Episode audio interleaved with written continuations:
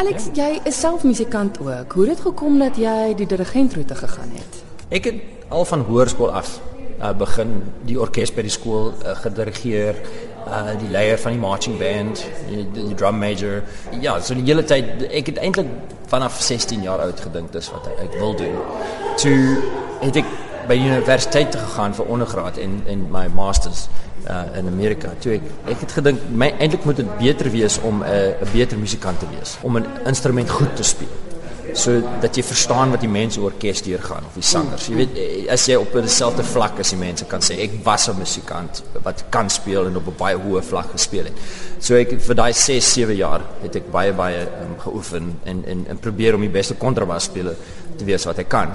Maar die hele tyd selfs teruggeerlesse geneem my Omri Hadari in Kaapstad en my Gerard Korsten 'n bietjie met hom te my die einde van my tyd in sy tyd in Kaapstad en toe in Amerika met Herman Gutierrez um, die dirigent uh, onderwys by um, die universiteit bietjie geleer en dan stadig stadig meer gedirigeer en eintlik 'n pos gekry waar ek moet meer dirigeer as as kontrabas speel of les gee en dan you know tot tot nou wanneer ek ek, ek niks speel nie. Ek speel nooit kontrabas op die oomblik nie. Dis dis vir my is it's a loss. Mis jy dit nie? Ek ja, ek mis dit vreeslik. Dit is 'n ongelooflike mooi kontrabas. En my dogter het die ander dag vir my gesê toe ek ons was sy speel viool, die een een van hulle speel viool. Sy sê nee, jy moet gaan oefen. En sy sê my, jy oefen nie, hoekom moet ek? en ek het 'n baie mooi kontrabas, 'n uh, Viennese Viennese kontrabas van 1875 uh by die huis en dit is 'n ongelooflik mooi instrument, maar ek het net het net nie die tyd om om te oefen op die oomblik. Oh, ek wil jous ons moet nou praat oor alles waarmee jy besig is steeds, maar vinnig net gou jou tyd oor see in Amerika. Hmm. Voel jy dit het waarde toegevoeg? Was was dit was dit 'n ja. goeie besluit? Nee, dit was 'n ongelooflike goeie besluit. My vrou en ek het uh, na ondergraad ons altyd twee was on, was by Universiteit van Kaapstad. Toe het ons Amerika toe in Texas eintlik toe te gaan en ek was by 'n skool in Texas Christian University. Dis waar die uh, Van Cliburn kompetisie vir jaar was uh, daar uitgesaai die uh, die die klavierspeler Steven de Groot. Uh, hy was 'n uh, dosent by hierdie skool uh, voor ek daar aankom. En daar uh, my meesters in kontrabas performance gedoen en dan 'n meesters in teorie ook uh, begin dan 'n job in 'n klein universiteit noord van Texas gekry in in South Dakota. Uh dit was 'n ongelooflike ervaring. Mm. Die, die mense werk uh, baie anders daar. Hulle werk ongelooflik hard. Jy kan there are a lot of people so you can be replaced.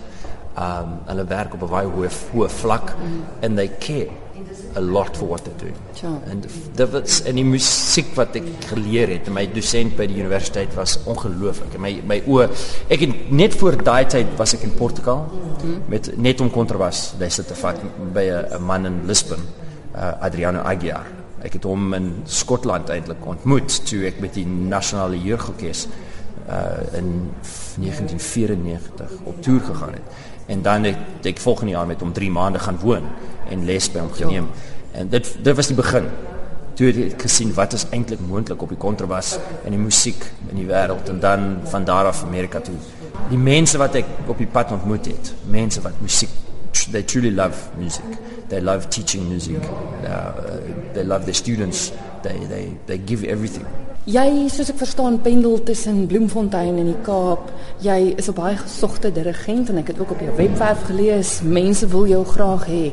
Is jy betrokke by spesifieke orkeste en kore of ja. of vryskut jy maar rond? Nee, ek ek doen alles.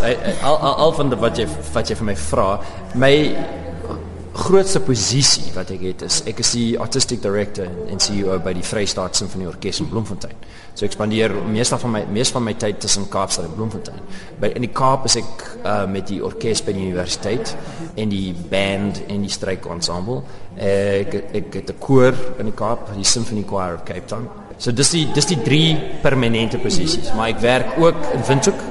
Ek is besig om met die mense in Windhoek te werk om die National Symphony te herbou. Ehm um, ek gaan nou twee weke as ek weer in Windhoek met die Concerto Fees wat hulle elke jaar aanbied en ek werk 'n bietjie in PE ook. Ek doen twee konserte by PE elke jaar as as ook en dan hierdie jaar was ek weer in Gauteng met Gauteng Opera en nou terug by by die Gauteng Philharmonic Orkees vir die konsert. So ja, dis is sort of 'n verskil van permanente posisies, maar maar maar niks is heeltemal permanent nie. Hmm. Jy het 'n vrou genoem van jou een dogter wat wat viool speel. Hmm. Jou vrou self is 'n pianis. Ek neem aan die kinders het hulle almal in julle voetspore gevolg. Is almal musikaal? Hulle is baie musikaal, maar dit is nie net musikaal nie, hulle werk baie hard. Jy weet, hulle, hulle oefen baie. Ons het 4 kinders. Die oudste is 14 jaar en dan die volgende is 12 en die die volgende is 10 en dan ons seun is nou 7. Ehm um, so die die oudste een speel klavier Uh, sy was laas jaar tweede in 'n nasionale kompetisie in haar ouderdom. Die die volgende een is uh, die vioolspeler. Sy was 2 jaar gelede semifinalis by die uh, Hubert van der Spey kompetisie. Mm -hmm. Die ander een is 'n uh, is 'n cellist. Dit hulle werk hard en hulle speel hard en in die middel twee was eintlik net nou hierdie jaar in Kaapstad uh, deel van Sound of Music. Hulle het die rol van Brigitte gedeel. Oh, ja. So hulle hulle hou hom op die verhoog te wees. hulle hou hom te speel en hulle werk baie baie hard. Dis uh, you know, dit party daar is 'n bietjie moeilik om you know te maak, hulle te maak om te gaan oefen, maar die ou eind oefen hulle baie en hulle speel baie goed. As jy die musiek kry vir 'n konsert, kyk dit gaan tog oorsaaklik die dirigent sy interpretasie in die musiek. Waar begin jy? Hoe besluit jy dis hoe ek die werk gaan aanpak? Dis hoe ek dit gaan interpreteer? In the same way a pianist will practice, a a conductor has to do the same thing. You know, you need to find your own voice. And uh, if if you've been to my website, you will see there's a, a statement on it that, that I believe in. Uh, that comes, not my own idea, actually, it comes from my theory professor in America, where he said that all your answers are in the music. And the only way you will find your answers are by studying the score and learning the notes, uh, learning how to put together the structure. And that's the weird thing about conducting, is you never hear it actually physically uh, until you stand at your first rehearsal, unless you, of, of, that particular piece. I, have done this program before. I've done all these pieces before, so so for me it's fun to redo it. You're always learning something new. Bernstein said every time he looked at a score, he found something new, and I mean that's that's quite true. But that preparation, for me, it starts with just looking through the score. Uh, and, and, trying to find out, you know, where are the points that you need to learn, and, and then slowly but surely learning the works, uh, learning the notes, how it's put together, reading a bit about its history, where, you know, what was Beethoven going through at the time, why did he write it. And then I think once I've sort of learnt it, and, and I play a little piano very badly, but it helps me to put it together, or you sing through the lines and, and slowly but surely take the time to, to learn it note for note, the same way a violinist does. Then what I generally take is I'll take a number of recordings, mm-hmm. not one, but it's only once I feel I've learnt it, you then, I feel you take a number of recordings of conductors you respect over the history and then you listen to the different ones and you think, you know, maybe I'm completely wrong. You know, remember that especially the older conductors were much closer to the composers uh, in, in age and, and maybe students, you know, I mean, they're the students of Liszt, the students of Wagner, who were still around in the 30s and 40s. I mean, Maar ek het nou die dag vir die eerste keer die voorbeeld van 'n partituur gesien. Dit is nogal so 'n lywige stukkie papier gewees. As jy sê jy leer dit uit jou kop uit, met ander woorde, as jy op voor die orkes staan, ken jy dit letterlik uit jou kop uit? Uh, you should. Jy leer dit voordat jy daar staan. jy leer wat aangaan. You, you you've got to hear it as a combination in your head. By the time you get to the orchestra, you you need to hear what it sounds like, uh, you know, in your in your head. Um, because when you're standing there, yeah. you can't learn the piece.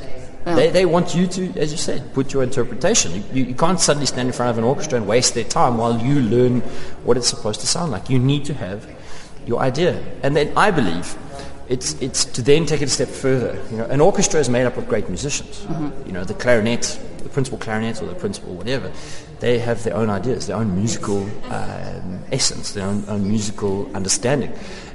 You need to be willing to have some sort of discussion, you know. Uh, let them, if there's a solo, you know, interpret it the way they want to. If you don't agree, to have a discussion with them and maybe just try and find different uh, common ground. But never ever forgetting that, that the musicians in the orchestra are great musicians within their own right. Maar jy sien dis miskien ook hoekom jy so gewild is, want jy laat toe dat elkeen hulle eie interpretasie ook tog inbring. Jy's nie een van daai dirigente wat sê dis hoe ek dit in my kop hoor en dis hoe dit hmm. sal wees nie. Is ek reg? Wel ek probeer. jy moet die orkes vra as dit wat oorkom. ek dink dis wat ek doen, maar maar miskien sien dit orkes dit anders, ek weet nie, maar uh vir my is dit baie belangrik om dit eintlik te probeer. Jy weet, uh, en vir hulle te laat op oomblik. Hulle kan nie hele tyd hulle eie ding doen nie, né? Dis dis oomblikke. Ja. Dit's 'n uh, miskien 'n melodie, miskien 'n frase wat hulle 'n bietjie anders wil doen, dan laat mense dit anders doen. Is daar 'n stuk musiek wat jy graag nog sal wil dirigeer? Daar's eintlik 4 of 5, oh, ja. ja. My uh, what I call desert, not my my bucket list. I mm -hmm. think the pieces I feel I need to conduct before I die. I've managed to do two. Uh, I've rehearsed the other one, and the one I have no idea yet. Um, yeah, no, I have four or five pieces that I must still do. Oh, okay. No, no, it's fine. It's a bit, it's a bit random. I think it's more personal than anything. Um, the two that I have done are the requiems of Mozart and Brahms. I mm-hmm. finally got to the Brahms requiem last year, and, and to me, it is just.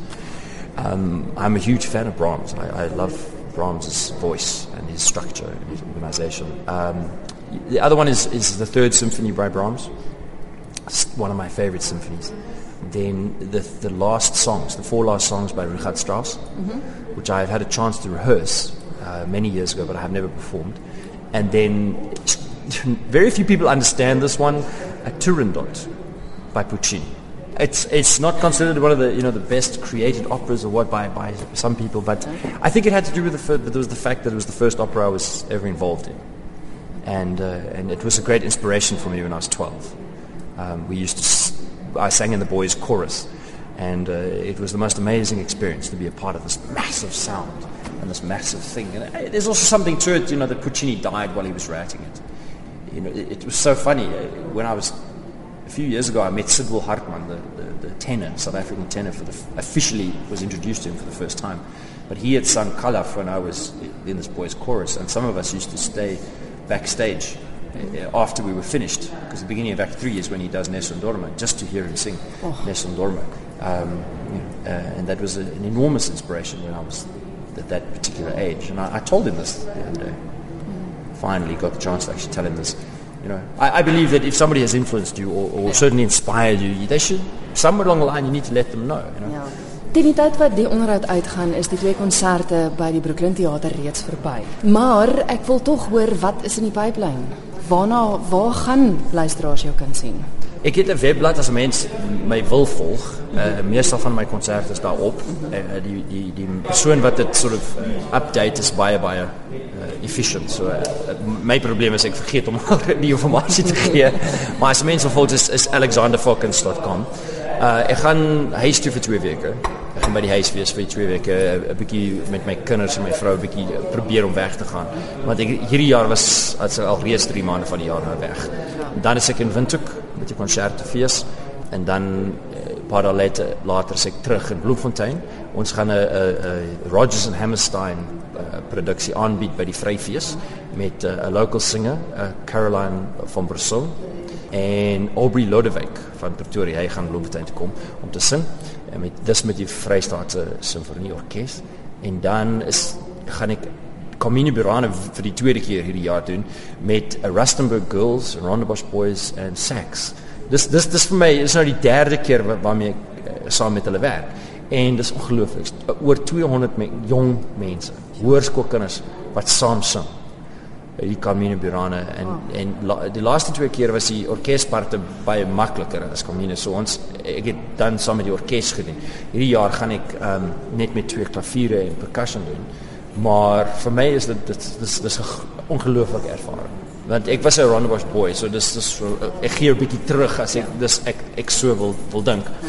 Maar om met jong mense soos dit gewerk. Jy weet vir my is daar baie oor oor tieners geskryf wat negatief is. You know their voice and they're difficult and whatever. And they're only interested in this and that and, and computers. But what I've always found working with young people is what I love working with young people um, well, younger than myself uh, is there's this, this incredible energy to do something really well and to give their absolute everything. And I have never ever not gotten that out of these these teenagers that I get the chance to work with. And Community Run is just loud and, and, and energetic and powerful. Um, so I, I'm really looking forward to that actually. And then what's after that? Dan gaan ek gaan Port Elizabeth toe uh in Augustus maand doen 'n konsert met die Eastern Cape Philharmonic Orkees dan uh einde van begin van September se back met die Vrystaat Symphony Orkees en dan terug in PE en dan ek gaan die Nelson Mass met my koor in Kaapstad doen in Oktober Universiteit van Kaapstad uh, band dan is 'n Rosefees met die Vrystaat Symphony Orkees konsert ja en dan dan dan gaan ek die creation doen in Windhoek saam met die kore in Windhoek en die orkes in Windhoek in November maand. Jy was aan die begin gesê jy is besig. ja, nee, dit is dis is baie besig. Ek is baie bevoorreg. Is that privileged and Ja. and, Ja. and I think lucky. I could answer this in English, I have been very lucky. I I, I have uh, got some people that believe in me and what I'm doing, and uh, I've had got the chance to go back and work with them regularly. I've been going to Windhoek for five years now. Um, PE is five or six years. The choir I, I took over the minute I got back to South Africa in 2005. So I, I've always had this. I've been lucky. I've- I've, I've had a fair amount of work given to me, uh, opportunities to work with people, and, and in fact, I've had many, many fabulous experiences with, with the musicians in South Africa. It's difficult being a musician in South Africa at the moment. Ek wil ek wil juist afsluit met die vraag. Jy jy het nou gepraat oor die feit dat jy saam met die jong mense werk ook en alles. Hoe voel jy oor die toekoms van klassieke musiek en koormusiek en dit alles in Suid-Afrika? Nie net vir die kunstenaar self nie, maar ook wat gehore aanbetref. Is daar hoop? Dis dis 'n baie moeilike vraag en ek dink dis 'n hele hele onderhoud daaroor net daaroor oor daai vraag. I believe that there is a future, but what I do believe is up to the musicians. It's up to the young people themselves to create their audiences for themselves, to bring their friends, to do what they are doing at, at Gauteng uh, uh, Philharmonic Orchestra, trying new ideas, interesting programs, interesting performers. That is, I truly believe that they are going to have to move into this era of, of getting stuff done yourself, uh, bringing your people, bringing your friends. I mean, this the Gauteng Philharmonic is a very young orchestra, a lot of local, young local players and some more seasoned players. I use that term, and they're a wonderful orchestra, and, and they should be supported. But they cannot sit back and, and, and wait for somebody to do it for them. You know, they have to bring the people. If they love music in their 20s, where are their friends? Now, maybe their friends don't have expendable income, and that's where I think where management and musicians they need to come up with solutions to say, okay, but if we give 100 tickets, so, you know, we lose this money. But i whatever, it, it, it has to be a collaboration between them. but the musicians themselves have to go out and create their opportunities and their uh, uh, and their audiences and, and be interesting. There are some young South African musicians doing incredible things when it comes to that. If if they take that on, I, I truly believe that South Africa is wide open.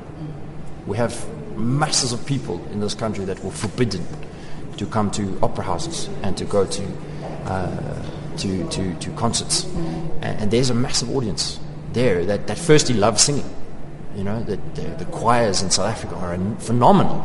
So maybe in your question, when you talk about uh, you know the future of choirs, the future of choirs is, is great on a whole South African context. If you go to the National Choir Festival, I mean, they have 4,000 people in the audience. It's just thinking maybe slightly differently than we have for the last 50, 60 years.